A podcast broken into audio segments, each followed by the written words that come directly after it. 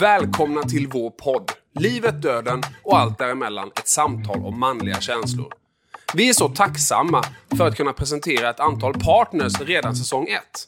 Tack till Stanley Security som har tagit fram produkten Stanley Interactive. Stanley Interactive är vår smarta säkerhetslösning skräddarsydd för små och medelstora företag.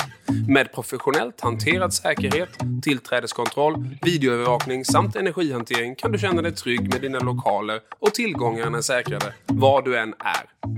Tack också till Mercedes vi har åkt omkring i en Mercedes EQC, en fyrhjulsdriven, helt eldriven SUV med oslagbar kvalitetskänsla och komfort. Tills du accelererar, då blir det en sanslös sportbil. Inga utsläpp och 99 komponenter i bilen kommer från 100% återvunnet material. Mercedes är genom Kalmar Bilcentrum. De har välviljan, kunskapen och verktygen för att ta hand om dig och din bil på bästa sätt. Sist, men absolut inte minst, tack till Kalmar. Kalmar är världens bästa stad att bo i. Det är också världens bästa stad att besöka.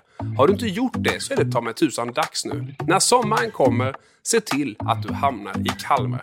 Nu, mina damer och herrar, så är det dags att presentera veckans gäst.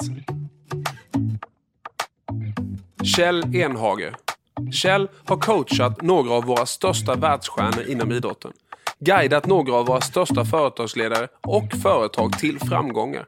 Han har föreläst för hundratusentals människor under de cirka 40 år han har varit verksam. I vårt samtal så berättar Kjell om sin personliga syn på sin superkraft. Varför han har jobbat så mycket själv i sitt liv. Varför han checkade ut från sin familj redan som sexåring. Men mitt första möte som Kjell, det var nyårshelgen 2015-2016.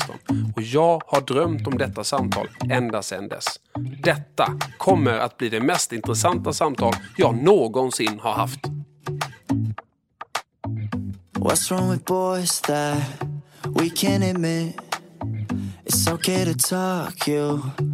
Hej och välkomna! Idag ska vi träffa en av mina absolut stora förebilder, Kjell Enhage. Podden och videopodden heter ju Livet, döden och allt däremellan ett samtal om manliga känslor. Vi finns på YouTube och som vanligt finns vi där poddar finns. Välkommen hem till dig själv, Kjell Enhage. tusen tack. Hur mår du? Bra! Ja. Varför då? Bra fråga. Eh, nej, men det känns som, som eh, lugn och ro. Och sen att ni är här och du är här Björn, jag tycker det är fantastiskt. Vi träffades för fem år sedan och som vi sa, det är små, små plus i livet att man hör av sig. Små sms skapar till slut en relation och jag är väldigt glad att, att du är här. Tack så hemskt mycket. Och det, det, jag säger det till allihopa, det är, så, det är en ära att få komma hem till dig och till eh, Lotta här som tar emot oss på det bästa av sätt med kanelbullar och vaniljbullar och kaffe och kärlek. Um, den här podden är egentligen ganska enkel. Vi, vi, vi, har, jag tror väldigt många har lyssnat på sommarprat och vinterprat och vi har liksom följt dig och sett dig i konserthus och sådär. Uh, den här podden heter ju Livet, döden och allt däremellan, ett samtal om manliga känslor. Mm. Och i det så, så landar ju en massa andra epitet upp. Så jag har ju bett dig, som alla andra, att ta fram toppen tre och botten två i livet som människa. Och så fick jag tillbaka en lista på eh, tio punkter jag kunde inte välja. Och det innebär att jag, jag har ju egna ett par punkter själv. Så att vi, vi ser vad det här samtalet tar oss. Ja. Eh, och sen finns det en förutsättning till, som ni vet där hemma. Eh, vi har ju no-knappen. Och no-knappen den låter så här. Och den har man om du tycker att den där frågan, Björn, tycker inte jag ankommer dig. Det där vill jag faktiskt inte svara på. En out. All right. Känns det okej? Okay? Ja, ja, inte en och en halv, inte två. En out. Ja. Mm. Eh, när jag ska beskriva dig eh, för någon som inte vet vem du är. Så har jag sagt så här. Jag tycker att Kjell har en superkraft att pedagogiskt och ärligt förklara och förenkla sanningar. När jag säger så, vad säger du då? Eh, tack för att du sätter ord på eh, en drivkraft som jag har. Att försöka förenkla. Eftersom jag upplever mig själv väldigt omständig. Eh, så är det någonting som jag strävar efter, att alltid förenkla. Jag tänker oftast om jag skulle prata med någon som är tio år, hur gör jag det på ett enkelt sätt? Och sen så, eftersom jag jobbar i ledningsgrupper så tänker jag att det behöver ledningsgrupper också göra. Med andra ord, vad är det man vill? Vad är det man ska göra och vad behöver vi göra mer av, vad ska vi sluta och vad ska vi förbättra? Alltså väldigt enkla statements egentligen. För det är lite det som när, när man lyssnar på dem och när man lyssnar på dig så lyckas du ta ganska, på ett sätt, självklarheter för många tycker man när man hör dem. Men du gör dem visuella på något sätt. Eh, så att man tar till sig det i vardagen och ja ah, just det, så där. Ah, där var exemplet som jag förstod. Mm. Just det, så skulle man kunna. Mm. Hur mycket jobb ligger bakom det? Eh, jag kan ge ett exempel. Jag, jag höll en föreläsning eh, 1998 som hette Jag AB. Den hade jag jobbat med, ja, jag vet inte, nästan tio år. Alltså till och ifrån på olika sätt. Tio år tog det innan jag kom ut med den. Vissa exempel eller historier, framförallt övningar, tar mig fem år innan jag kommer ut. Och det jag gör då i den här strävan att förenkla, det är att jag använder det själv. För det, det, mitt, mitt sätt är ju min egen känsla, erfarenhet när jag gör någonting. Sen försöker jag sätta ord och, och, och på de känslorna, vad är det? Och sen förenkla, förenkla tills det blir, ah, så här ska jag kunna uttrycka det. Mm. Och då, då går, kommer det ur mig själv. Men det tar en lång tid, det kanske visar hur trög jag är, men det tar en stund innan jag är klar med alla de där bitarna. Mm. Så att, eh, mycket erf egen erfarenhet. Ja, men det låter så. För någonstans så tänker jag alltid, jag, jag kommer ställa den frågan till fler än dig. När, för, för det, det du säger är att du ser, nej, som jag tolkar att du säger, är att du ser en roadmap eh, på olika saker lite tidigare än en del andra människor gör. Du ser, jag säger, det här är scenariot. Här ser jag en tanke på en lösning eller en förstärkning. Och sen har du en roadmap och sen handlar det egentligen om att pedagogiskt förklara den så att de andra förstår. Mm. När i livet tycker du, kan du komma ihåg när du första gången i ditt liv insåg att du hade en sån förmåga? Det är en jättesvår fråga, men det är en relevant fråga tycker jag. Um, det är möjligt att jag missar, alltså att det finns längre tillbaka i livet. Det som kommer till tanken var... Um, jag kom ju från en, om jag säger så här väldigt enkelt, nu blir jag omständig. Ja, men var det? Men, men uh, jag, jag, jag har ju en mor som, som ehm, för 45 år sedan blev vegetarian, var också vegan under många år. Hon är fortfarande vegetarian fast hon är på demensboende. Min bror för 45 år sedan var också vegetarian och höll på med meditation. Och för, för över 40 år sedan var det liksom inte världens bästa grej. Det var inte något som jag gick ut och wow vilken machokille. Eh, men jag tror att det har präglat mitt sätt att tänka. Min pappa var väldigt driven i business. Eh, och det gjorde att det, de var utanför den här gängsen, vad, vad fan mm. är normalt? Och det gjort att när började jag förstå att jag kan ligga före eller tänka annorlunda? Så tror jag att det, det, det tänket har följt med mig väldigt mycket i mitt liv. Jag kommer ihåg när jag var, blev golfinstruktör, proffs, när jag var 19. Så när jag var 20 år så, så tänkte jag att golfen är mycket mer än... För jag stod, då lär man ut teknik.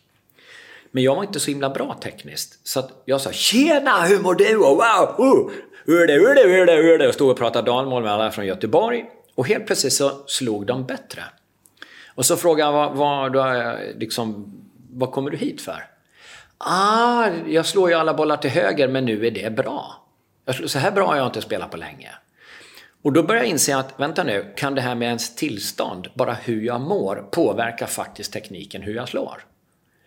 Och då märkte jag att där har jag ingen kunskap i hur man mår. Och då blir jag väldigt fascinerad av hur tankar, känslor, eh, jag gick på kroppen, jag utbildade mig till massör för jag tänkte jag måste kunna det också. Jag har aldrig jobbat som massör men jag var extremt nyfiken på, tänk om det är också är en pusselbit?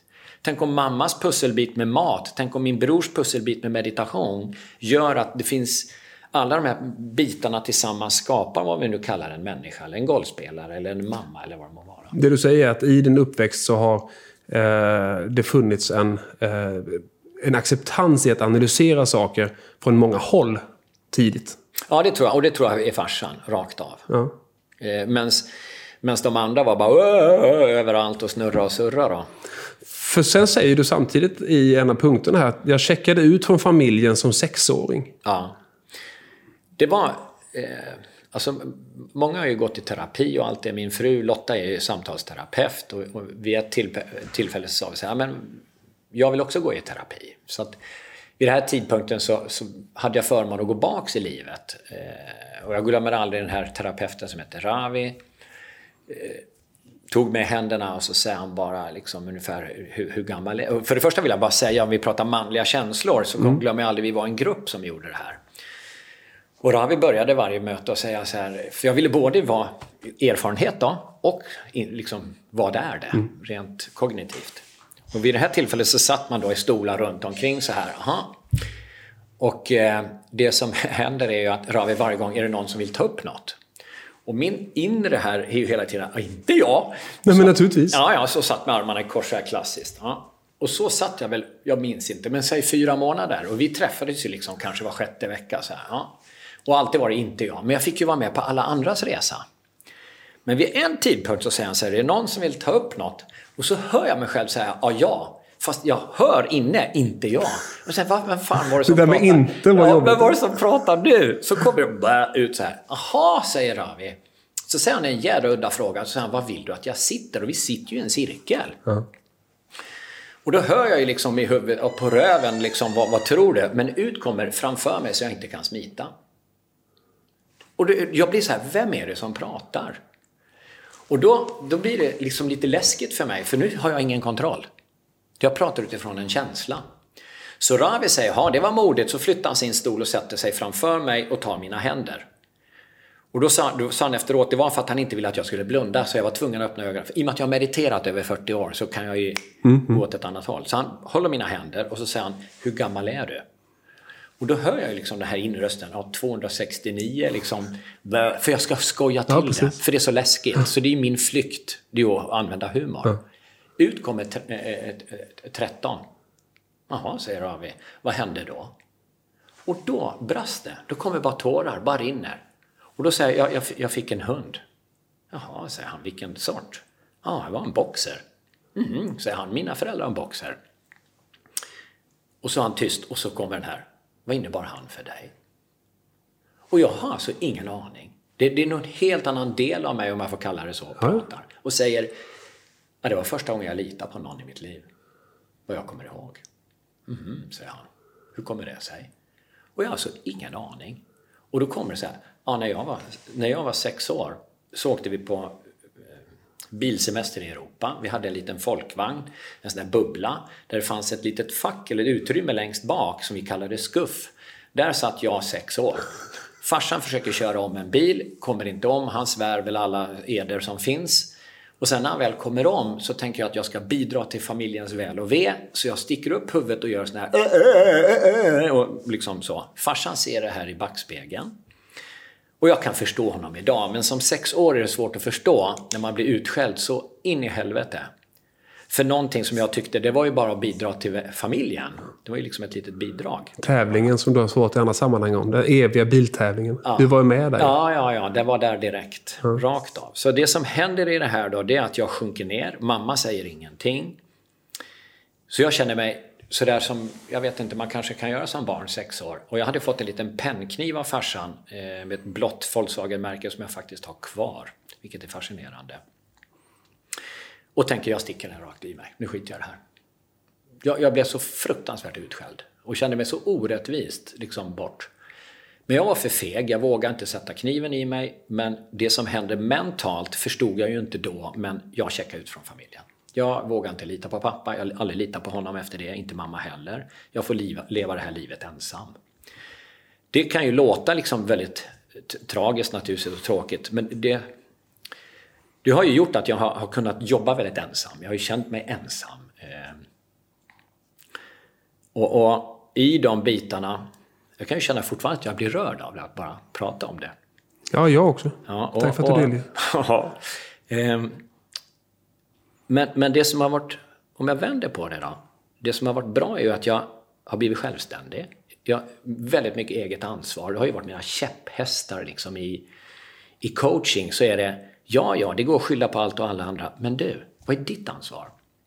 Och så har jag ju drivit mig själv. Alltså, du, du har ju en fantastisk familj med vuxna barn idag. Mm. Tre barn. Mm. Uh, Victoria, Julia, August. Uh, var, när du och Lotta blev föräldrar första gången. Ja, det måste ha funnits en hel hope av löfter mellan dig själv och dig själv och dig själv och Lotta. Hur du då vill att dina barn ska uppleva sin barndom på. Ja, det är det. Och, och, och, alltså, vad man än gör som förälder, Lotta är fantastisk eh, på många sätt. Ett sätt som hon säger det är att eh, ungefär så här, när man som förälder skulle vara, jag skulle ju vara perfekt där med då. Och då säger hon så här, det är väl en jävla tur att, att liksom något ska de väl ta upp i terapi. Och det är en jävla skön inställning. Något ska de ta upp i terapi. Med andra ord, var dig själv.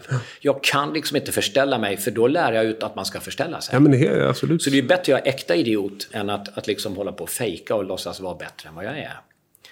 Eh, I den här biten så, så tror jag det som, som terapin tycker jag är fantastiskt. Alla kanske inte ska gå i terapi, men jag tyckte det gav mig den biten att jag börjar förstå varför alltså, jag har hyss för mig. Jag måste bara få eh, ställa en fråga där till. För jag, eh, jag får gärna prata med några stycken, ja. eh, ganska ofta. Och det här, de som har gjort den där resan i, med män i grupp. Ja. Där det till slut kommer fram det här förtroendet man i man vågar säga saker som man andra aldrig skulle säga. Mm.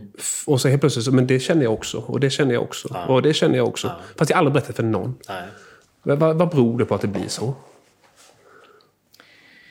Och, eh, vad tror du alltså? Det här är ju jättesvårt. Du kan ju inte svara för alla. Jag tänker bara på vad du själv har för.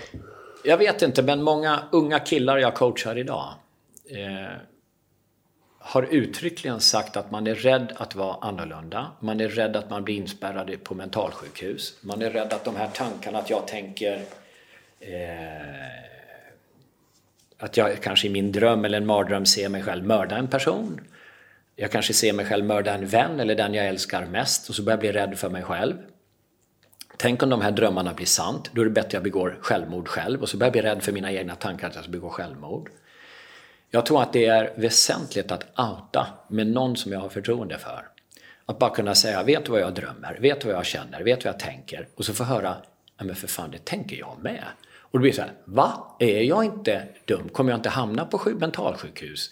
Eh, kommer jag inte mörda någon? Nej, det är stress, det är gamla bitar. För du håller på att mörda dig själv för du kanske jobbar för mycket eller du har tryckt ner känslor sedan du var liten eller vad det nu är. Jag är ju ingen psykolog, jag kan ju inte svara på det. Men jag kan ställa frågor och lyssna.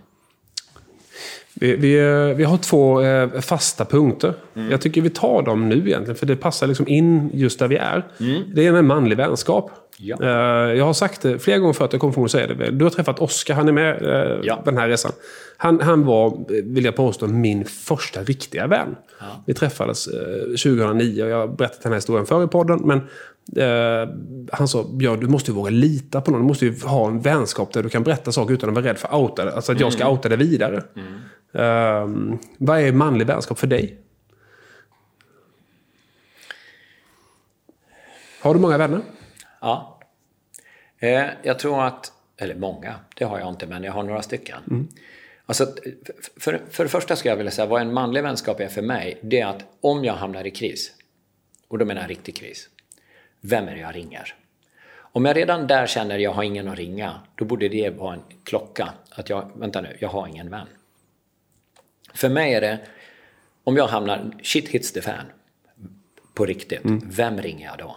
Vem är det som kommer ta sig tid att lyssna på mig? Vem är det som kommer ta sig tid att bry sig om mig? Eh, ställa frågor och till och med säga du jag släpper allt jag kommer. Det är den ena frågan. Den andra frågan är vem är det jag gör det för? Om de mm. ringer, gör jag det då? Mm. Då kommer nästa ord, det är vänskap. Om jag vänder på det så är det att skapa en vän. En vän är ta med fan ingenting man får. Det är en aktivitet. Och det är inte en aktivitet. Det är ungefär som ett, ett en, en val, liksom, om jag säger vänskap, det är ungefär som en bordsplatta, men den står på fyra ben. De fyra benen bär upp det här. Fyra ben i vänskap, eh, vet jag inte om det är fyra eller 27, men det är att jag ringer. Jag bryr mig om.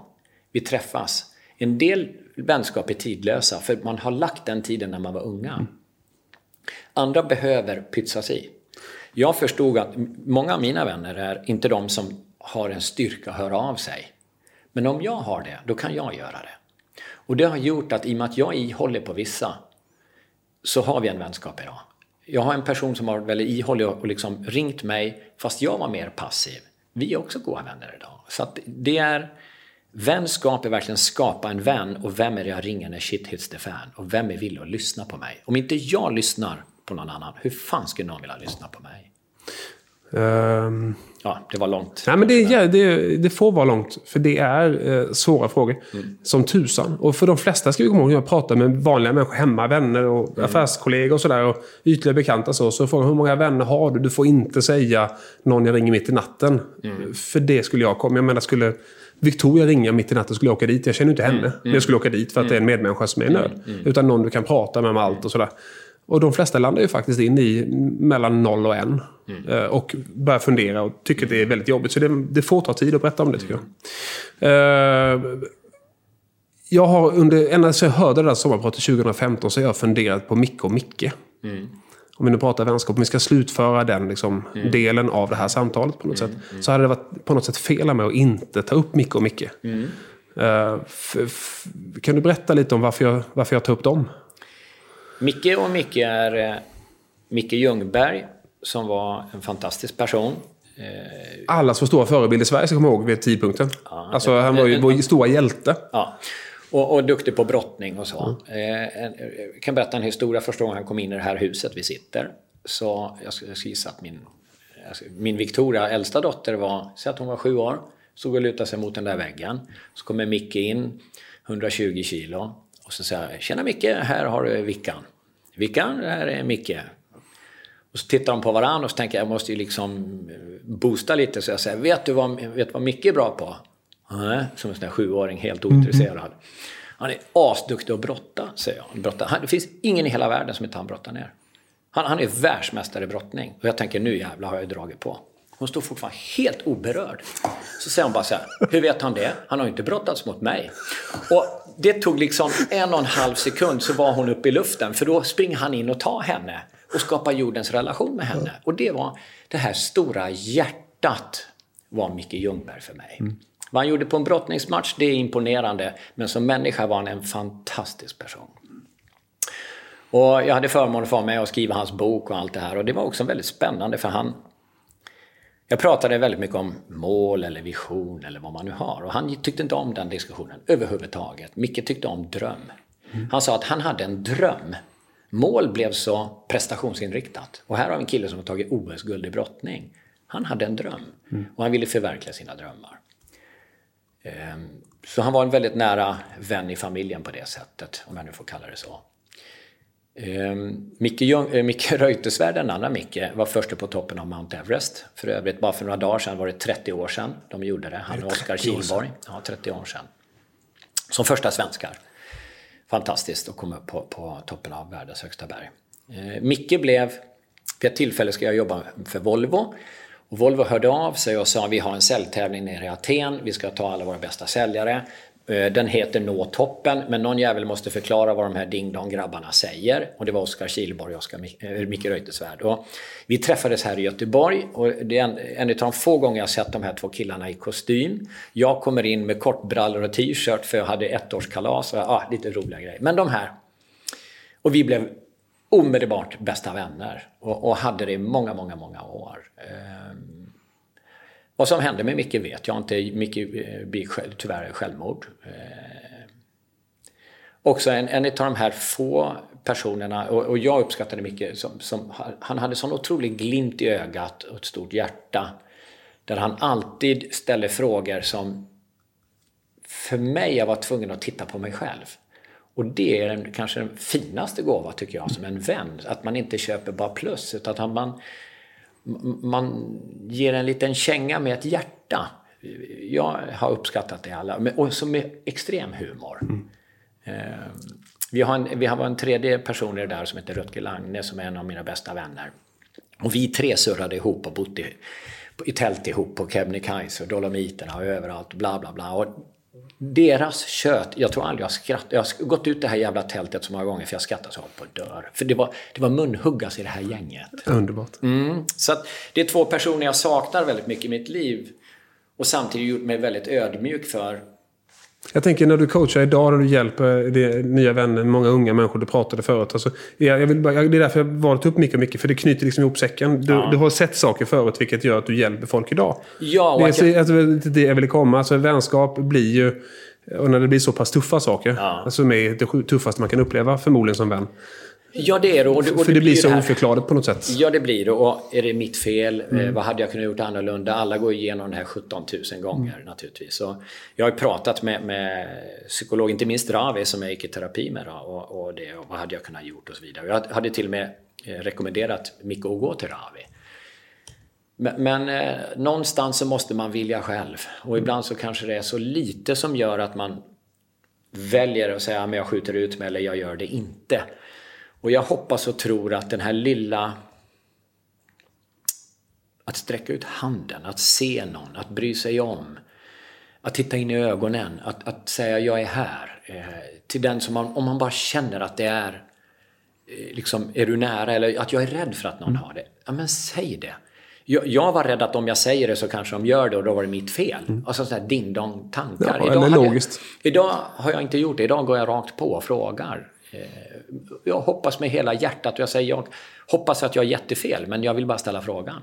Har du tänkt på det här? Alltså det, sen blir ju eh, du och Lotta, för när man bara umgås med er en timme innan här så inser man att det är ju, du frontar er två i ett jobb på något sätt. Ni verkar göra alltihop. Mm. Det är väldigt fint tycker jag också. Alltså det verkar vara, du, du är liksom fronten i, ert, i er konstellation. Ja, det är väl jag som syns. Men, jag är vi ja, på något ja. sätt. Ja, så är det. Så är det. väldigt tydligt. Men ni, ni möts ju av otroligt många kontakter gissar jag. Ja. Av människor som vill berätta sin historia, av människor som vill ha er uppmärksamhet på olika sätt. Mm. Av människor som på något sätt vill, vill liksom ta del av er förenkling, din superkraft, er Mm. superkraft. Hur, hur, liksom, eh, hur värderar man, eh, hur, orkar, hur orkar ni? Ni måste ju prata jättemycket Ja, om allt ni får in. För du är, ni är inte psykologer, hon var samtalsterapeut, men du är inte, utan det är ju ett logiskt tänkande och Mm. våga ställa frågor och, och leda någon form av vägledning i sunt förnuftets tecken. Ja, jag, jag tror att vi har haft en otrolig förmån bägge två. Om jag pratar för Lotta, hon ska ju få prata för sig. Men jag åtminstone upplever att jag, det är ju den största lyckan. Alltså ett äktenskap, det är ju att skapa något äkta. Och vi har haft tur att vi är väldigt lika på flera sätt av värderingar. Men vi är olika på hur vi gör. Och det gör att jag kan uppskatta eller irritera mig på hur hon gör, för jag hade inte gjort det och vice versa. Men i vårt arbete så har vi alltid sett att wow, ett plus ett blir sju här. Och jag tror att den uppskattningen av varandra har gjort att även om det är jag som frontar utåt så fattar ju alla med halva röven av vem det är som är den smartare av oss två och vem som har det största hjärtat och vem som är intelligent. Det är fan inte jag, det är Lotta och all cred till henne. Sen vill inte hon stå där framme utan hon sparkar fram mig och så får jag stå där då eh, och prata för oss bägge. Men, och det vill jag ju väldigt klart. Alltså att Lotta har en lika stor del i allt vårt arbete som jag. Det är bara att jag står där framme. Jag kommer in på nästa punkt då. Mm. Om jag får ta, ta den punkten här. Så står det så här, Lotta står upp för mig är en av punkterna du skrev till mig. Ja. Eh, jag tycker det passade bra att ta det här nu. Av en händelse. Av en händelse. Eh, vet inte om jag ska berätta, men jag tycker det är en väldigt intressant historia. Lotta och jag, eh, kanske man inte ska säga, men Lotta var min golfelev. När jag kom som 19-åring ner till Öjared utanför Göteborg. Lotta var då 13 år. Eh, fyra, fem år senare hade vi en dejt. Vi träffade varandra, hade en relation och efter ett tag så säger jag, om jag berättar hur vi träffades, vi alla träffades på olika sätt. Så säger jag, Lotta, jag är alldeles för dum. Du är alldeles för ung. Låt oss träffas om tio år så gifter vi oss. Mhm. Sen sticker jag till USA. Jag var där i många år, eh, läste min Bachelor, en MBA i business och kommer tillbaks. I den här vevan så har vi tappat kontakten under sex år. Min syster Ingela träffar Lotta och säger här är Kjells adress. Lotta skriver ett brev, det kommer till mig, men då hade jag bytt skola i USA. Jag pluggade i Washington DC, upp till Fairfield, Iowa. Där ingen, det hotar man barn med i USA. Om du inte äter upp maten flyttar vi till Iowa, så där vill fan ingen vara, men där var jag och plugga. I vilket fall, den här brevet hittar mig sex månader senare. Hur de hittar mig vet jag inte. Och då säger jag, wow, ett brev från Lotta. Så jag skriver ett vykort som jag hade hittat som stod åttonde underverket. Det vykortet har vi kvar.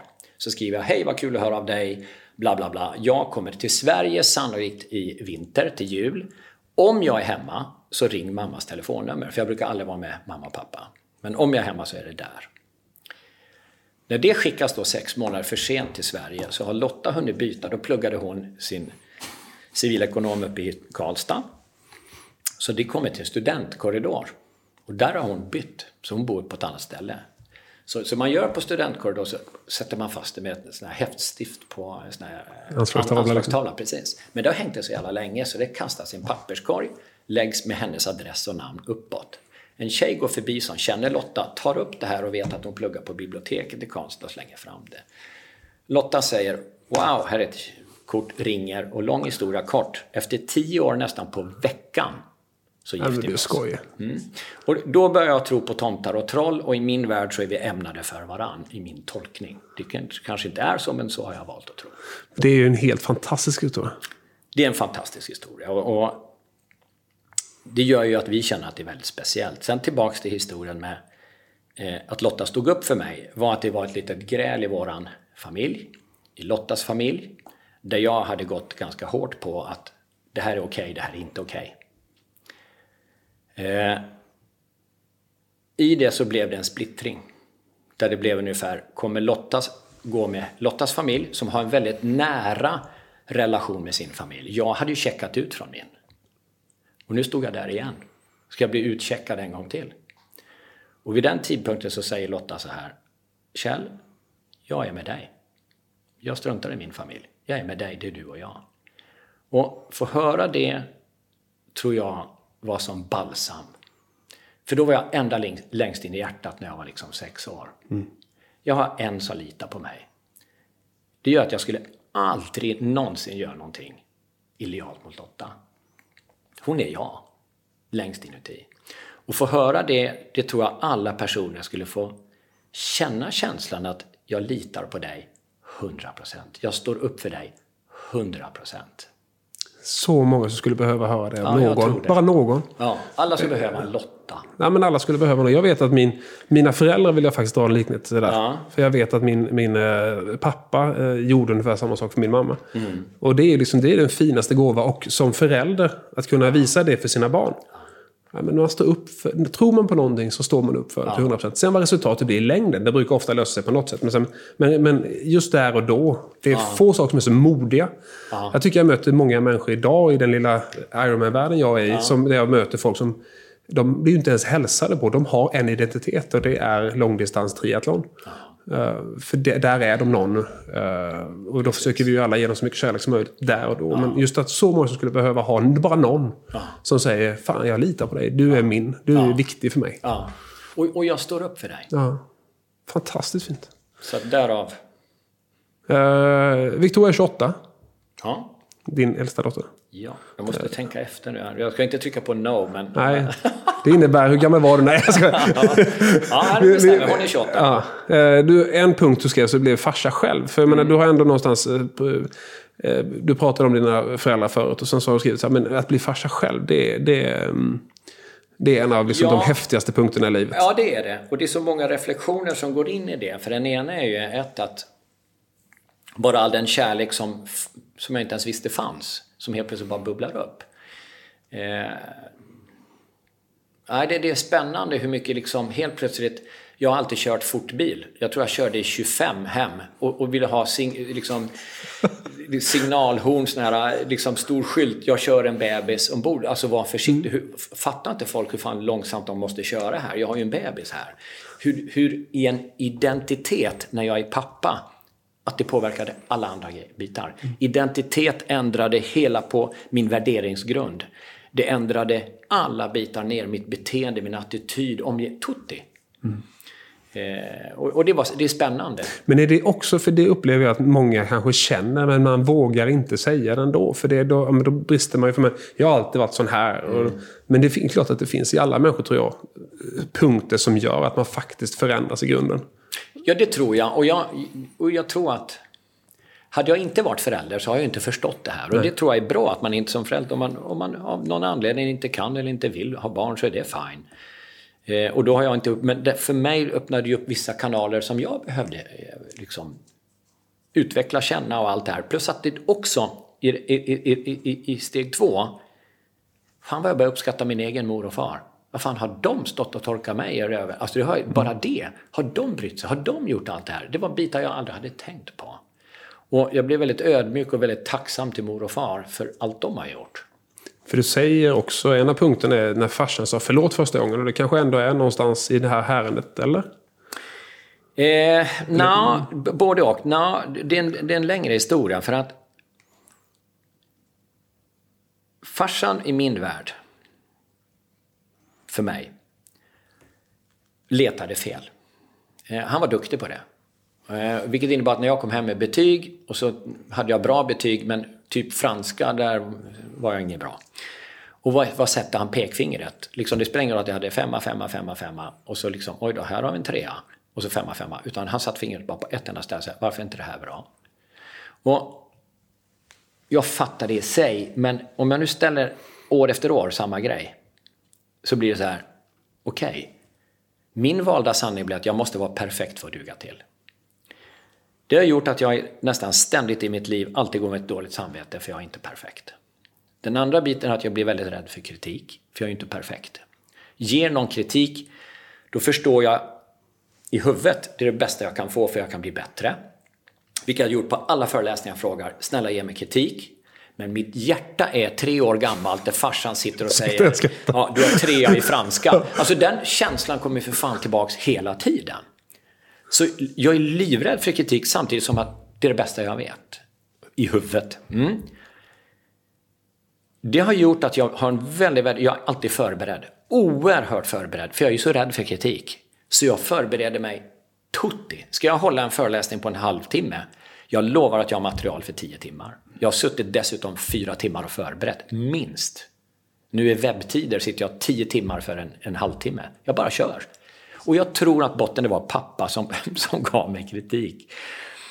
Eh, I vilket fall, om man är perfekt så är det jävligt tufft i livet, för ingen är perfekt. Absolut inte jag. Och det gjorde att när jag hamnade på skolan i USA och fick lära mig säga ordet förlåt. Där föll så många stenar, för jag behövde ju inte vara perfekt.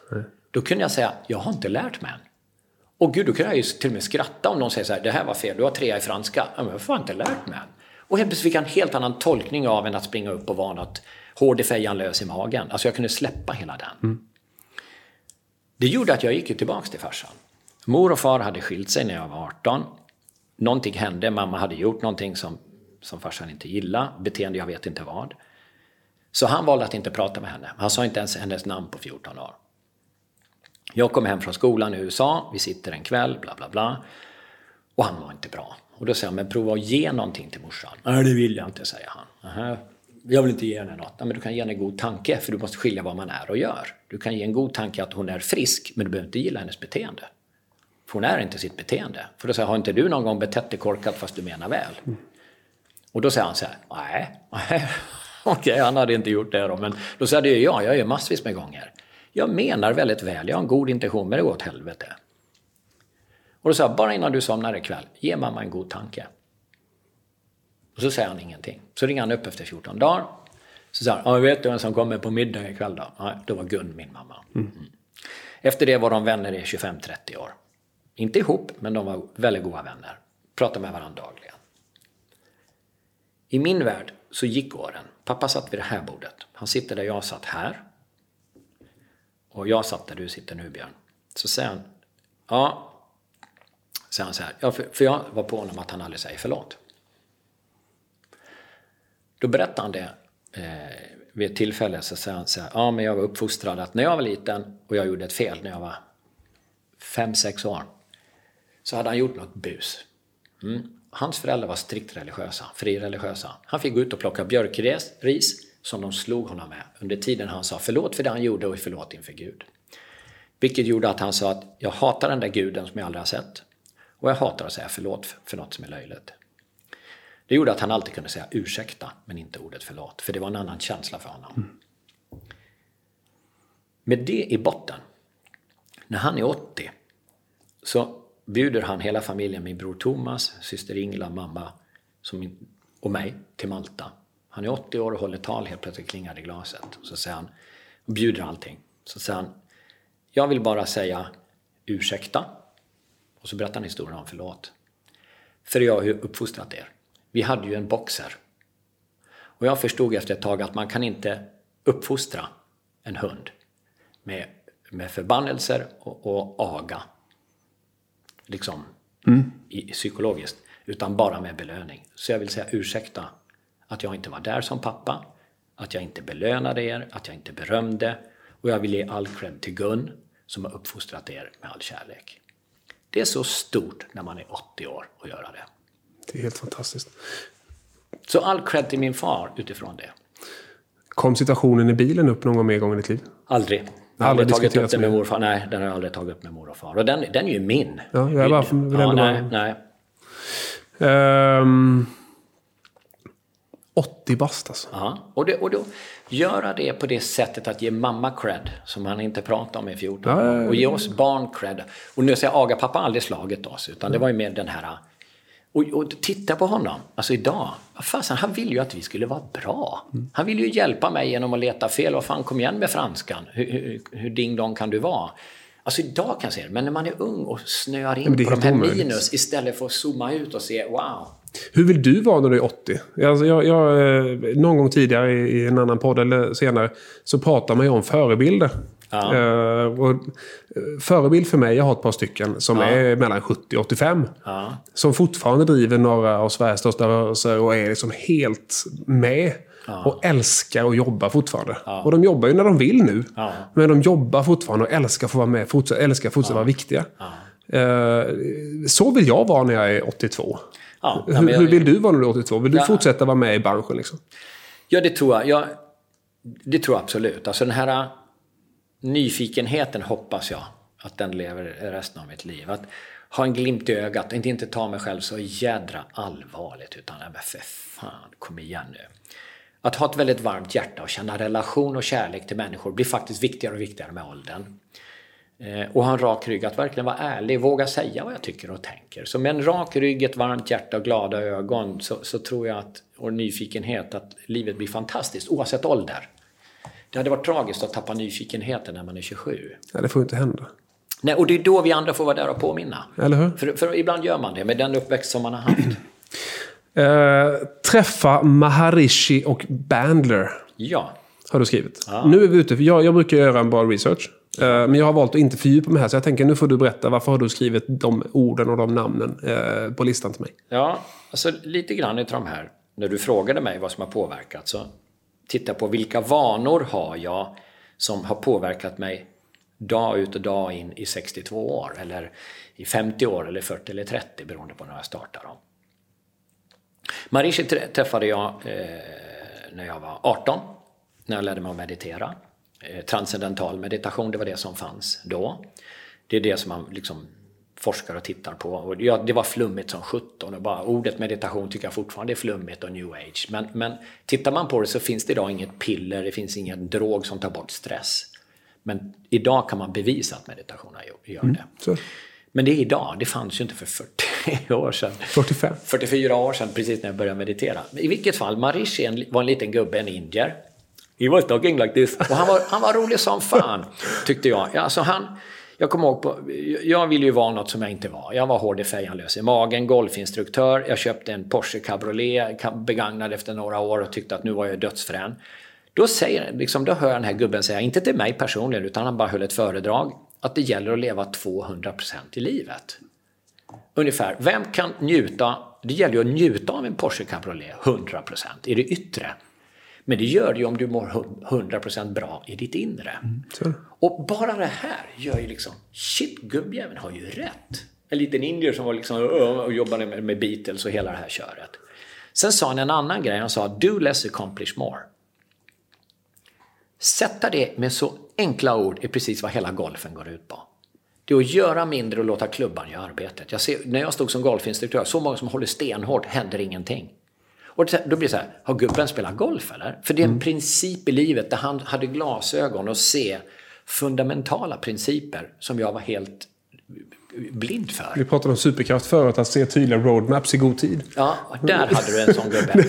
Och, och, och använda den här bilden, använda bildspråk, leka med ord, humor, djup kunskap, visdom. Har alltid älskat den här gubben Marishi på det sättet. Men är det inte så också att om du går, då ska jag gå tillbaka till faktiskt eh, av någon anledning berömma dig i det här. För det är ju så här också att jag upplever att det finns ju ganska många som går på en forskarkonferens. Det är ganska få människor som går därifrån och får en ny roadmap utifrån nu forskning kontra Mm. senaste forskningsrapporten. Eh, Man måste kunna tolka orden också. För en del blir det ju bara ord. Mm. Och för en del blir det, ah, nu, och titta, och sen sätta det i en annan kontext. Mm. Jo, jag har nog använt väldigt mycket av hans språk och, och det kanske tack vare pappa som lekte med ord, som jag sa på sommarpratet. det. han uppfann ju Ja. ordet rockring. Han var också alltid när jag frågade om ord, för jag har alltid varit intresserad av ord, så han gå och slå upp. Han har alltid bett mig slagit upp. Och Marishi gjorde så, han lekte med ett ord. Han började med ett ord och så gick han in och definierade och sen helt plötsligt så allting gick ut på världsfred. Det var det enda han ville. Så började han säga blomma, då slutade det med världsfred. Då började han med en golfklubba, så slutade det med världsfred. Alla visste var det slutade, men han gjorde en... Fantastiskt. Associationsleken. Ja, ja, ja. Så var bara okej, vi kommer dit. Ungefär som i, i, i, i, liksom i kyrkan, det slutar med Jesus. Alla vet ju det till slut. Men, och, och, och Bandler då, å andra sidan, Hette Richard, Dr. Richard Bandler, jobbade med någonting som heter NLP, skapade det, Neurolinguistic Programming. Det är egentligen ett språk för det omedvetna. För känslor och tankar, det är vad det handlar om. Till exempel när man kommunicerar. En del kommunicerar med detaljer och kan uppfattas extremt omständiga. Andra kommunicerar väldigt få ord, helheter, och kan upplevas ytliga. Eller fan vad skönt. Eller med detaljer. Åh, vad härligt med någon som är detaljrik, exakt, precis. Så här har vi då olika sätt att Finns, se finns det något världen. kvinnligt manligt där generellt? Det gör det säkert. Jag är inte bra på det, får jag lov. Nej, jag bara- inte om polit. Nej, jag, jag, jag- är inte bra på manligt kvinnligt Nej, så. inte jag heller. Jag bara Nej, tänkte om du hade det- någon infallsvinkel det där. tror jag inte. Jag tror det är mer mänskligt om jag väljer att se det så Mm. med de glasögonen. Men Richard Bandler var en, det jag uppskattar och han, han har betytt så mycket för mig, det var att jag fick verkligen konkreta verktyg i hur jag kan förbättra mig själv. Jag hatar det här, var glad. Eller var positiv. Ja, men för fan, vad ska jag göra med det då? Ingenting, jag kan inte göra någonting med det. Nej. Men om någon säger så här, du, om du ändrar din tanke i det här, om du ställer en annan fråga till vad är viktigast just nu än bara vad ska jag göra? Så kommer du få en annan bild. Är det därför som eh, så många ändå väljer att ha eh, idag en, en kalla det livscoach, kalla det, eh, en, kalla det en eh, ledarskapsutvecklare? För att det är inte någon som har fasta svar på precis allt. Målbilden är inte samma varje gång, utan man utgår hela tiden istället från den som faktiskt man pratar med. Och skapar den personens sanning tillsammans med den istället för att komma med, jag har den här teorin och vi ska i den riktningen. Så kombinationen för dig, om jag nu ska analysera det, av Marishi och Bandler, blir egentligen att, okej, vi har ett slutmål. Men låt oss ta oss dit med frågor. Ja. Eh, istället för med fasta sanningar. Nu känner du så här, det beror på. Ja. Eh, Och bägge två, om jag slår ihop dem, har en förmåga att berätta historier. I historien finns det som är innehållet, content som jag vill åt. Det säger de inte, den känns. Så de installerar program utan att säga vad de installerar, de fulingarna. Väldigt mycket humor. Eh, så att någonstans blev bägge två, har betytt så mycket för mig i mitt arbete. Eh, att det är okej att skratta, det är okej att dra ett skämt. Eh, kanske inte så tråkiga skämt som jag gör, men de... Ja, de är fruktansvärt tråkiga. Ja, Nej, jag jag vet, jag vet. Sen var det en tredje bit som jag fick när jag började jobba som konsult. Eh, jag kom hem från, från jag trodde ett tag jag skulle doktorera nere i Holland. Det blev inte så bra, men jag dundrade hem och började jobba på ett företag som heter Selma med ledarskapsutveckling och, och säljutbildning. Och för att bli bra på det så fick jag själv gå igenom frågemetodik, hur man ställer frågor. Och när jag för trettionde gången körde en kurs med något som hette eh, Föreningsbanken finns inte idag. Nej. Körde de här utbildningarna i säljmetodik. Så trillade min egen polett ner. När jag 30 gånger hade kört utbildningen varför man ställer frågor, då fattade jag varför jag ska ställa frågor. Och det blev en ny värld för mig. För det var första gången jag kände hur mor och far har talat om saker. Vad jag ska göra, vem jag är, allting. Och jag har alltid fått ont i magen när någon står inför med ett pekfinger och talar om. Och jag hittade det andra verktyget, att jag kan ställa en fråga. Ah, hela mitt liv blev helt annorlunda i samma sekund. För då behöver jag aldrig vara besserwisser, jag behöver inte vara jag behöver inte kunna. Jag kan ställa frågan. Och du och den du pratar med analyserar tillsammans utifrån ett antal verktyg som du naturligtvis har jobbat fram av erfarenhet. Precis. Men det är en ganska intressant skillnad. Många tänker ju, vet jag, skillnad. Men vad är skillnaden på psykolog och, och livscoach? Eller Ja, vad man nu vill ja. kalla för någonting. Ja. Det, och där är, tycker jag är den stora distinktionen. Man har inte svar, man har frågor. Ja. Eh, ja och, och, jag kommer ju på mig själv när jag inte klarar av och ställa frågor. Det gör jag när jag är för nära någon, till exempel med barnen. Jaha, till det här står Kjell och talar om igen. Precis som morsan och farsan. Jaha, det var ju det jag lovade mig själv att inte göra. Det finns en fråga som jag också vill ställa till dig och jag ställer till många som har barn. Mm. alla har ju inte det, men de som har barn. Uh, du har jobbat mycket. Du har varit ute och rest mycket. Eh, jag vet inte hur långa perioder, för så väl känner vi inte varandra. Men eh, har du känt perioder att fan, jag är för lite hemma. Jag är för lite närvarande. Nu får Lotta ta för stort ansvar igen. Eller tycker du att det har varit en balans som, äh, men jag lirar, det, det tycker jag inte är ett issue i mitt liv? Svår fråga. Jag tror både du skulle fråga mina barn och Lotta är mer och så. Liksom. Sen är det ju så att vissa barn vill säkert att man är hemma mer. En del tycker, fy fasen kan du inte sticka snart. Eh, jag har jobbat, om jag tittar på de sista 20 åren, så har jag rest tre varv runt jorden varje år. Jag flyger så pass mycket. Men det har gjort att jag har haft förmån, i och med att vi har haft eget företag, att ända sedan vi startade för snart 30 år sedan tillsammans, Lotta och jag, i egen lada. Att jag har alltid tagit sommarlov. Jag har inte semester. Jag har sen första dagen barnen slutar skolan tills de börjar skolan på hösten har jag också tagit ledigt. Så vi har alltid haft hela familjen hela somrarna. Eh, det innebär att jag har haft över 20 veckors semester varje år. Eh, är det för lite, för mycket? Svårt att säga. Jag tror att... Det, alltså, jag måste ju jobba. Annars hade jag varit hemma hela tiden.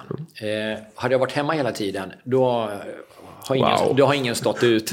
Så att jag, då hade det inte varit... Nej, och jag, jag, personligen så, i och med att jag har det här att jag är en ensam räv, så har jag mått bra av att åka iväg, sitta i min värld. Jag har alltid längtat hem. Eh, har jag varit hemma så är det tufft om jag börjar längta bort. Så mm. för oss hoppas jag att det har varit en bra balans.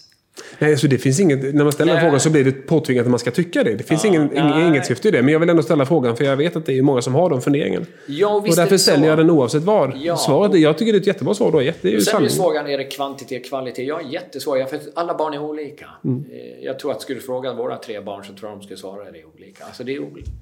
Det är som det är. Och barn har behov av en mor eller far vid olika tidpunkter. Hade jag varit mer lyhörd kanske jag hade lyssnat in när de skulle ha behövt mig hemma. Ja, fast ja, eller så var det så du gjorde. Kanske. Nej, det tror jag inte. Men du, Dr. Curly King har du skrivit här. Mm. Uttalade det rätt? Ja. Ja, jag var osäker. Finansminister, om jag minns rätt, i Bahamas. Mm. Han var min professor i eh, makroekonomi på skolan som jag gick i USA. En fantastisk gubbe. Eh, jag älskar när man pratar om real life exempel och det gjorde ju han när man till exempel sänker sockerpriserna och på Bahamas lever man med sockerrör och så vidare. Helt plötsligt blev det på riktigt. Eh, jag hade, eh, och det här är avsnittet då där jag häver mig själv lite. Det får du gärna göra. Om jag inte har gjort det tidigare. I vilket fall så, så hade jag förmånen att gå ut som valediktorien och då håller man en, en tal på skolan. Så jag reste mig upp och pratade och höll, kom inte ihåg vad jag sa. Men det som hände var att han kom upp till mig efteråt. En gubbe på ungefär 130 kilo, färgad kille, stenstark. Och när han pratade så lyssnade man. Han hade en oerhört auktoritär röst i min tolkning. Och sa bara ungefär eh, Herr Enhager, gå ut i världen och berätta ditt budskap. Och så var han tyst. Och liksom bara det att han tog sig tid att göra det, det satte sig djupt i mitt hjärta. För att någonstans så vågade jag liksom inte stå och prata och samtidigt så ingick ju det eh, i det här med att börja med säljutbildning, ledarskapsutveckling och allt det här. Det var därför det tog så många år innan jag AB kom ut. Det var att våga. Men alltså, det, du pratade ju förut om, om eh, bekräftelse. Mm. Och det är ju där jag är hela tiden. Alltså, det, det, det är ju en enorm bekräftelse att få den typen av kommentar från någon som man shit vilken pondus, ja. vilken man. Ja. Eller hur? Mm. Och han vågade som man ge en annan man den bekräftelsen. Ja. Och det är ju det här som jag liksom, vi började ungefär som farsan som, som letade fel. Det är väl där någonstans jag hävdar mig själv. Liksom. Jag kommer tillbaka dit hela tiden. Så att jag, jag har kvar att göra på min resa och krama om mig själv kanske längst in uh, Jag AB. Jag vill ändå gå in i den uh, föreläsningen.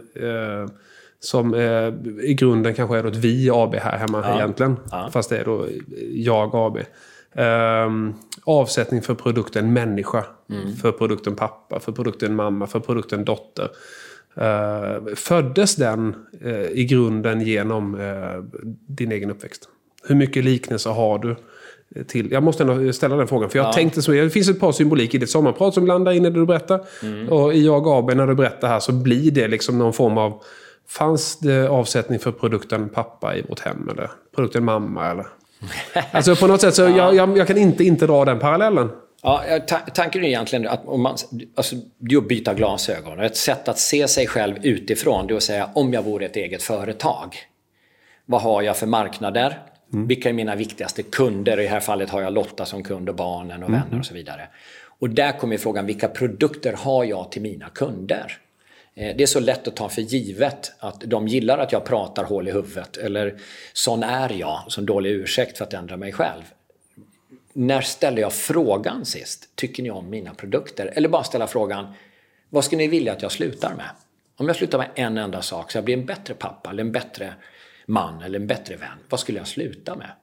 Bara det skulle vara en enorm förändring. Eller vad vill ni att jag startar med? Kommer du ihåg hur den sanningen när du såg den roadmappen. Kommer du ihåg när det kom till? Eller hur, lång, hur lång var den processen innan alla de här tankarna du hade växte ner till föreläsningen och liksom tankesättet Jag AB? Som du ändå hållit på att prata om väldigt, ja, väldigt länge, ja, som är så sant på så många.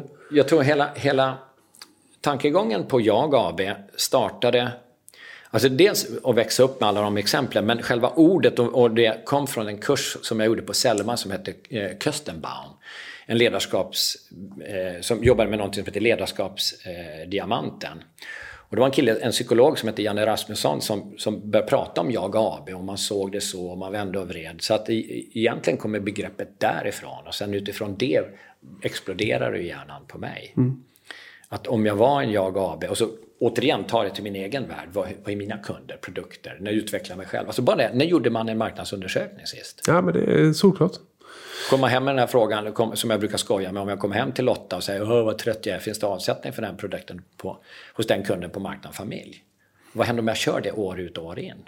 Men alltså, sanningen i väldigt många skilsmässor ligger där. Mm. är jag ganska säker på. Eh, vi möter nog många i båda som, som funderar på hur det gick till. Jag tror att det, är en tanke som skulle hjälpa många. Ja. Ehm, jag har två eh, liksom, ämnen kvar. Okay. Uh, inte, faktiskt, jag hoppar över några av dem du har skrivit här. Uh, utan jag, jag har två stycken saker. Det ena jag ställer frågan, samma fråga till alla. Okay. Söker du uh, lycka eller frid i livet?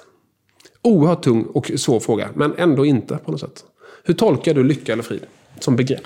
Eh, jag återvänder nog till min kära Marishi. 200% av livet. Jag söker lycka 100% och frid 100%. Så det är 200%. Klockrent. Eh, det är nog därför jag... Alltså det är inte många vanor jag har gjort i hela mitt liv. Men jag kan nog säga att jag har nog mediterat nästan varje dag så länge jag kan minnas. Sen visst missar jag. Men, men det är enda gången som jag upptäckte att jag var tyst och jag var stilla. Det hade jag inte upplevt innan eh, 18 års ålder. Jag käkade bananer och grädde för att uppleva lugn i kroppen. Så att eh, jag, jag kanske hade ett varv för mycket energi i kroppen, vad vet jag. Men meditation har varit bra. Så där är friden. Och, och sen lyckan, den eh, kommer nog utifrån det. Fick jag välja hade jag börjat med frid. Är meditation någonting som du skulle rekommendera alla att göra? Och är det svårt att göra? Hur lång tid tar det? Om vi drar ner det på så enkelt sätt så att jag... Eh, jag hade en föreläsning för NCC för inte så länge sedan. Mm. Eh, och det var ett, ett, ett, gäng snickare som bygger fantastiska hus och kan saker som jag inte är i närheten av. Mm. Så sa jag så här, hur många mediterar här? Sa jag. jag gör inte mm. det själv än. Mm. Jag, skulle, jag, jag, tänker på bara. Mm. Och så sa nej. Och sen så kände jag att, hur ska jag motivera dem att börja meditera? Skulle jag ens vilja det? Om jag hade ställt frågan annorlunda så hade jag sagt så här. Om det fanns en teknik varvid du kunde ta bort stress så du funkar bättre. Ungefär som du sover asgott en hel natt och vaknar upp nästa morgon.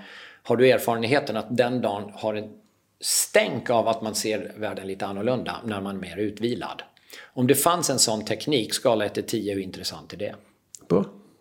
Vi lämnar det där. Mm. Eh, Ironman måste vi prata. Ja. Eller egentligen träning. Ja. Eh, Vasalopp, eh, Ironman, triathlon. Du har gjort det mesta känns det som. Ja. Berätta. Varför är träning viktigt för dig? Alltså, jag tror på två, alltid två perspektiv. Det ena är, in, man kan jobba ledarskap eftersom jag jobbar med värderingar och sådana bitar inifrån och ut. Men det räcker inte. Man kan ibland jobba utifrån och in. Har man bägge två så går det dubbelt så snabbt. Med andra ord, här sitter jag och mediterar. Det går inifrån och ut. När jag om jag tar träning, för de flesta tror jag har mer erfarenhet av det. Det är att om jag sticker ut och går en promenad, springer, kör stenhårt på gymmet. För mig använder jag kroppen, men jag slappnar av i knoppen. Jag känner, åh vad skönt det blev i huvudet. En jävla konstig paradox. Jag använder ju kroppen, knoppen slappnar av. Meditation är tvärtom. Jag gör en andningsövning på ett specifikt sätt där jag använder knoppen, men det fascinerar att kroppen slappnar av. Därav att jag använder bägge två för att må så bra jag kan. Ska inne på 200 procent igen. Det är 200 procent igen. Jag går mm. utifrån och in och inifrån och ut. Och det är att ska jag jobba med en kund så vill jag ge absolut max. För att vara i max behöver jag vara en superenergi. Jag jobbar mycket med mina tillstånd. Så när jag väl går in, då är jag på max som jag kan just då. Då är träningen ett sätt, för det jag ger i livet, det är det jag får. Mm. Sitta hemma och tro att jag blir stark, det funkar inte. Men det konstiga är att jag går ju på gymmet, så bryter jag ju de facto ner musklerna. Men kroppen är ju så fascinerande så att säga, jag blir ju för fan svagare på gymmet. Jag blir inte stark där. Det är ju ta vilan efteråt när kroppen säger vad håller den här dingdong på med? Bygger upp muskeln lika som det var förut och lite till ifall idioten skulle komma på samma idé en gång till. Mm. Därav att jag bygger upp. På det sättet känner jag att jag pumpar upp min energi. Då måste jag ge energi för att få energi. Så vill jag ha glädje, ge glädje. Vill du ha respekt i livet, ge respekt. Det är ju så jävla enkelt så det ja, där någonstans. Så därav att jag jobbar enormt med fysisk träning. Och du, eh, för att fysiska träning ska bli eh, maximalt eh, gjord och effektiv så vill du ha mål. Ja, jag drivs på mål. Ja. För då blir du effektiv och du ja. hoppar inte över promenaden eller stakpasset eller cyklingen. Eller? Ja, eller Björn, jag kanske är för lat. För att många gör saker för de är vill och jag imponerar det. Jag gör inte det. Jag gör saker när jag måste.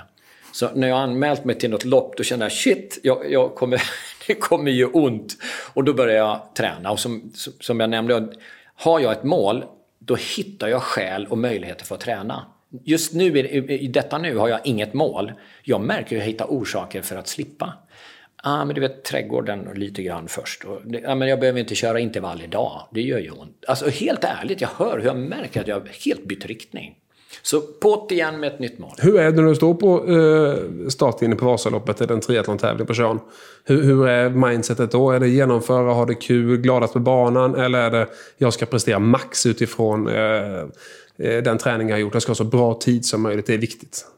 Jag har varit med om bägge två. Eh, jag har stått på Vasaloppet och tänkt nu ska jag åka under fem timmar. Jag har stått på eh, Vasaloppet med min bästa vän och bara njutit. Eh, fick jag göra en tredje gång så åker jag hellre med min bästa vän än att ha prestationsångest för mig själv. För det, jag fattar inte varför. Men, men, ja. Så att jag har testat bägge och jag mår oerhört mycket bättre av att må bra. Prestationsångest, sa du där. Ja. För när vi har pratat om eh, Ironman ett par gånger så har du sagt att ah, men jag är nog lite skadad. Eller, nah, så, men vi kan hjälpas åt. Men sen, nah. Mm. Alltså det är ändå det du, hjäl du hjälper så många mm. med det här. Mm. Så jag har skrivit, upp prestationsångest. när jag tänkte på det. Och jag, jag liksom, det här är lite sådär, eh, taskigt nästan. Men lider Kjell Enhage lite av prestationsångest när det kommer till den där genomförandefasen? I mitt jobb gör jag inte det. Eh, för den har jag tränat mig så mycket. Alltså det finns en väldigt intressant bit. Om jag säger att nervositet till exempel. Så, så jobbar jag med många som är nervösa, mm. eller prestationsångest. Och då när jag ber dem, men Björn, bli nervös då. Du, du får 500 spänn, bli nervös nu. Mm. Jag har lyckats. Ja. Och då är frågan, hur gör du? Mm. För vi måste göra något för att bli nervös. Jag kan inte bara, ah, nu vart jag nervös, eller nu är jag glad, eller nu är jag irriterad. Vi behöver göra någonting. Och när man vet vad man gör, kan man antingen göra det mer, eller sluta. Mm. Nervositet är så intressant att det kommer oftast av att jag inte jag känner att jag inte har kontroll. Varför? För jag fokuserar på någon yttre prestation. Jag ska vinna en tid. Den yttre. När man då går tillbaka och säger, ja men bli nervös, då har jag ju kontroll över nervositeten och lo and behold så försvinner den. Så i min egen värld, i mitt jobb, mm. så har jag sagt, åh vad skönt jag är nervös. Fan, då är jag taggad, det är adrenalin, yes. Idag blir jag inte nervös på mitt jobb. Så då lägger jag mig ner och gör armhävningar innan och då slår hjärtat och säger ja, jag är nervös, adrenalin. Så jag lurar mig själv. I golf har jag fortfarande prestationsångest. Där sitter jag kvar som ungdom, ute och spelar tävling. Jag har inte kommit åt, där är jag fortfarande i prestation. Jag hade en intervju med eh, eh, Joakim Häggman och Gio Wallner ja. för Nordea Masters, de här ungdomsproffsen som åker runt i Sverige ja. på Sverigetouren där. Ja. Uh, de var på Ekrum på Öland. Och sen så hade vi en sittning. Så sa jag, men Gio, alltså det finns ju ingen som jag vet som är så bollbegåvad som dig. Mm. Uh, varför är du inte bättre på golf? Och så var det så här, bolljäveln ligger ju still. Den ligger bara där och väntar bli slagen på. Och allt handlar om mitt, min rörelse. I pingis kan jag reagera, här måste jag agera. Ja, den är tuff. Golfen brukar ju beskrivas som en av de mest mentala idrotter som finns. Och det, det, den är tuff. Finns det något mer du känner? Alltså vi har ju, återigen, vi är ju i podden där livet, döden och allt däremellan. Eh, ett samtal om manliga känslor. Är det någonting mer du känner så här, det där skulle jag faktiskt vilja, vilja ta upp eh, i det här samtalet? Mm, Jag tycker vi har haft ett fantastiskt samtal. Jag är jättetacksam för att vi fick komma hit till er. Eh, jag tror, alltså... Livet och döden är ju en lång resa. Men allt däremellan är ju just nu. Och om man tittar på just nu och så säger man om jag mår inte bra just nu. Och jag tror på... Om man tittar på yttre resultat i framtiden så kommer det av utifrån hur jag beter mig. Beteende och action kommer utifrån hur jag tar beslut. Beslut det kommer utifrån oftast vilket tillstånd jag är i. Till exempel om jag är trött så tar jag en typ av beslut. Är jag pigg och alert tar jag en annan typ. Och då kommer det tillbaks på hur jag använder knoppen och kroppen. Och en bit av det, det är att om jag behöver påverka mitt tillstånd här och nu. Till exempel just detta nu så har vi, är vi ju under Corona-attack. Och jag märker hur jag snabbt tillägnar mig till exempel en liten vana att innan jag somnar så tittar jag på, läser jag om covid-19. När jag vaknar så tittar jag på covid-19, vad som har hänt i resten av världen och så blir det en cirkel. För när jag slutar så att säga, dagen med att sova och så har jag med mig det hela natten och så går det 24-7. När det hade gått flera veckor så kom jag på att jag mådde inte bra. Och så började jag analysera vad det är som gör att jag inte mår bra. Då måste man bryta ner detaljer och jag kom dit. Då får jag ställa frågan vad är det jag ska titta på innan jag somnar så jag har med mig det hela natten och skapa en annan mental cocktail rent kemiskt i kroppen. Och i min värld så måste det vara något som jag inte ens anstränger mig och gör mig lycklig. För jag vill, där går jag på lycka då, om du frågar. Ja. Och jag hade ju en boxer som jag lärde mig en sak, det är villkor, villkorslös kärlek. Han var det bästa. Vi dreglade ihop i 13 år, höll jag på att säga. Vi, från det jag var 13 år och 10 år fram. När jag då sitter och tittar på Instagram, om jag nu ändå ska ha den där mobilen innan jag somnar, då slår jag upp, då söker jag på hundvalpar, boxervalpar. Och upp kommer de mest söta, underbara boxervalpar. Jag behöver inte anstränga mig för att känna kärlek. Det kallar man kärlekshormon, är ju oxytocin om man nu ska vara så himla bokstavlig. Jag känner lycka. Jag har kommit på mig ibland när jag går upp och pinkar på natten. Jag tänker fortfarande på boxervalpar. Jag har med mig dem hela natten. Och det har gjort att bara med en ny vana, att jag är liksom aktsam om de här små ritualerna, de små vanorna, de här fyra bordsbenen, som bordsskivan som heter min identitet eller min känsla vem jag är. Att jag tar hand om att titta på boxervalpar är jag en annan person när jag vaknar på morgonen än om jag tittar på corona. Då vill jag fortsätta bara för det. För det här, jag kan inte släppa den eh, bilden. Jag hade ett, ett samtal med eh, fyra skolelever ett par veckor in i corona. I en videopodd eh, på en skola i Kalmar. Då sa nioåringen, så sa hon så här efter vi hade hållit på i en 30-40 minuter. Så hon så här, ja, alltså jag och mina kompisar, vi, vi, ehm, vi är nog många som tror att jorden ska gå under nu. Och jag har aldrig tittat på nyheterna, men pappa tittar på nyheterna. Och, och eh, då tänker jag att då ska man titta på nyheterna. För det gör ju pappa. Eh, det är otäckt. Vi har gjort en playlist nu med musik som är lugnande så att vi kan sova bättre. För det var lite mardrömmar där i början, men det har jag inte berättat för pappa. Det är nog ganska många som på olika sätt. Så om du då ska med all din erfarenhet ge ett tips till några föräldrar här som kanske lyssnar eh, på den här podden. Som avslutning eh, här och nu. Du berättade ju tips att faktiskt skapa någonting. Men i samtalet med sina barn. För barn hör, barn förstår, barn ser. Eh, och glömmer vi bort att de finns i rummet när vi pratar om otäcka saker. I det här fallet corona som har, har varit fruktansvärt för hela världen. Vad- vad- vad- finns, det något, finns det något tips där? Vill du ge det något? Hittar du något? Ja, jag, jag höll på att säga, jag ger ju inte tips, men om jag hade gjort det eh, så, så hörde jag en, en, en en kille som sa att när det är kris, han heter Steven Kotler, han sa att när det är kris så öppnar sig hjärnan på ett sätt för att lära sig. Av den anledningen att man behöver lära sig för att om det kommer igen så är man mer förberedd. Det är en överlevnadsfunktion. Om det är så, för det är en av de positiva bitarna av hjärnan, för annars kan man bli handlingsförlamad. Men om den nu öppnar upp, det är att säga till barnen, för hjärnan kan inte låta bli att svara på frågor. Så ställer jag frågan så här, vad kan vi lära oss av det här? Då har jag satt hjärnan i en riktning och uppmärksamheten och nyfikenheten på en riktning. Vad är det vi lär oss? Till exempel, vi är mer nära i familjen, vi pratar mer, vi spelar spel mer, vi, vi, uppskattar en kram i familjen mer, bla bla bla. Vi kan hitta alla de här, vi börjar ringa till varandra, till vänner, till exempel vänskap. Som jag kanske inte har gjort tidigare. Att börja hitta eh, det positiva, det kommer utifrån hur vi ställer frågor. Så kan vi ställa bra frågor till barnen vad är det bästa med det här? Det, och, liksom, och, inte rygga för att det här är det som händer också som är dåligt. Men inte bara dåligt, för i allting finns något annat också. Det, det är alltid plus och minus. Och kan vi hjälpa barnen med att bara med frågan, inte med svaren, låt dem svara. Men med frågan så tror jag vi har gjort en fantastisk tjänst.